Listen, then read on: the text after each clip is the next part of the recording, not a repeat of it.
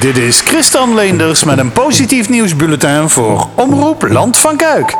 Beste mensen, er gaat op internet al een tijdje een gedicht rond wat onze huidige situatie rondom het coronavirus perfect weergeeft. Het is te lang om het hier voor te lezen, maar het heet De lente wist het niet.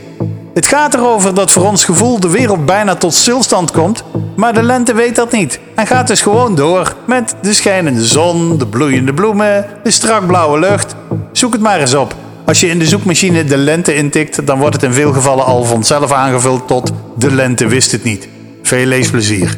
Hier is weer onze dagelijkse portie positief nieuws. Defensie zou in Bergen-Honen in Duitsland een grote oefening gaan houden die vanwege het coronavirus niet doorgaat. Hierdoor houden ze meer dan 10.000 kilo etenswaren over en daarom wordt dat voedsel nu aan de voedselbanken gedoneerd. Van andere oefeningen die niet doorgaan gaat het voedsel ook naar de voedselbanken die hier natuurlijk enorm blij mee zijn.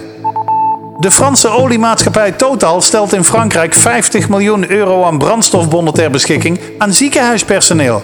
Hiermee wil het bedrijf de medische wereld een hart onder de riem steken. Of het alleen bij Frankrijk blijft is nog niet duidelijk, maar er gaan al geruchten dat ze in Marokko hetzelfde gaan doen. Over hart onder de riem gesproken. Burgemeester Lex Rolvink heeft in zijn gemeente Graven borden, banners, spandoeken, kies maar uit, laten plaatsen met de tekst Voor iedereen een hart onder de riem. Getekend Lex Rolvink, burgemeester gemeente Graven en de hashtag Samen tegen corona. Een heel mooi initiatief als je het mij vraagt. Meer defensienieuws, want ze stellen ook nog eens 40 beademingsapparaten ter beschikking. De levensreddende middelen zijn naar verschillende ziekenhuizen gebracht voor hun intensive care afdelingen. Eerder leverde Defensie ook al de planners voor de transportoperaties van patiënten naar andere ziekenhuizen. In België, waar een totale lockdown geldt, wordt gemeld dat de lokale politiekorpsen merken dat de criminaliteit fors daalt, met tot 30%. Ook zijn er minder verkeersongevallen, omdat er minder verkeer is.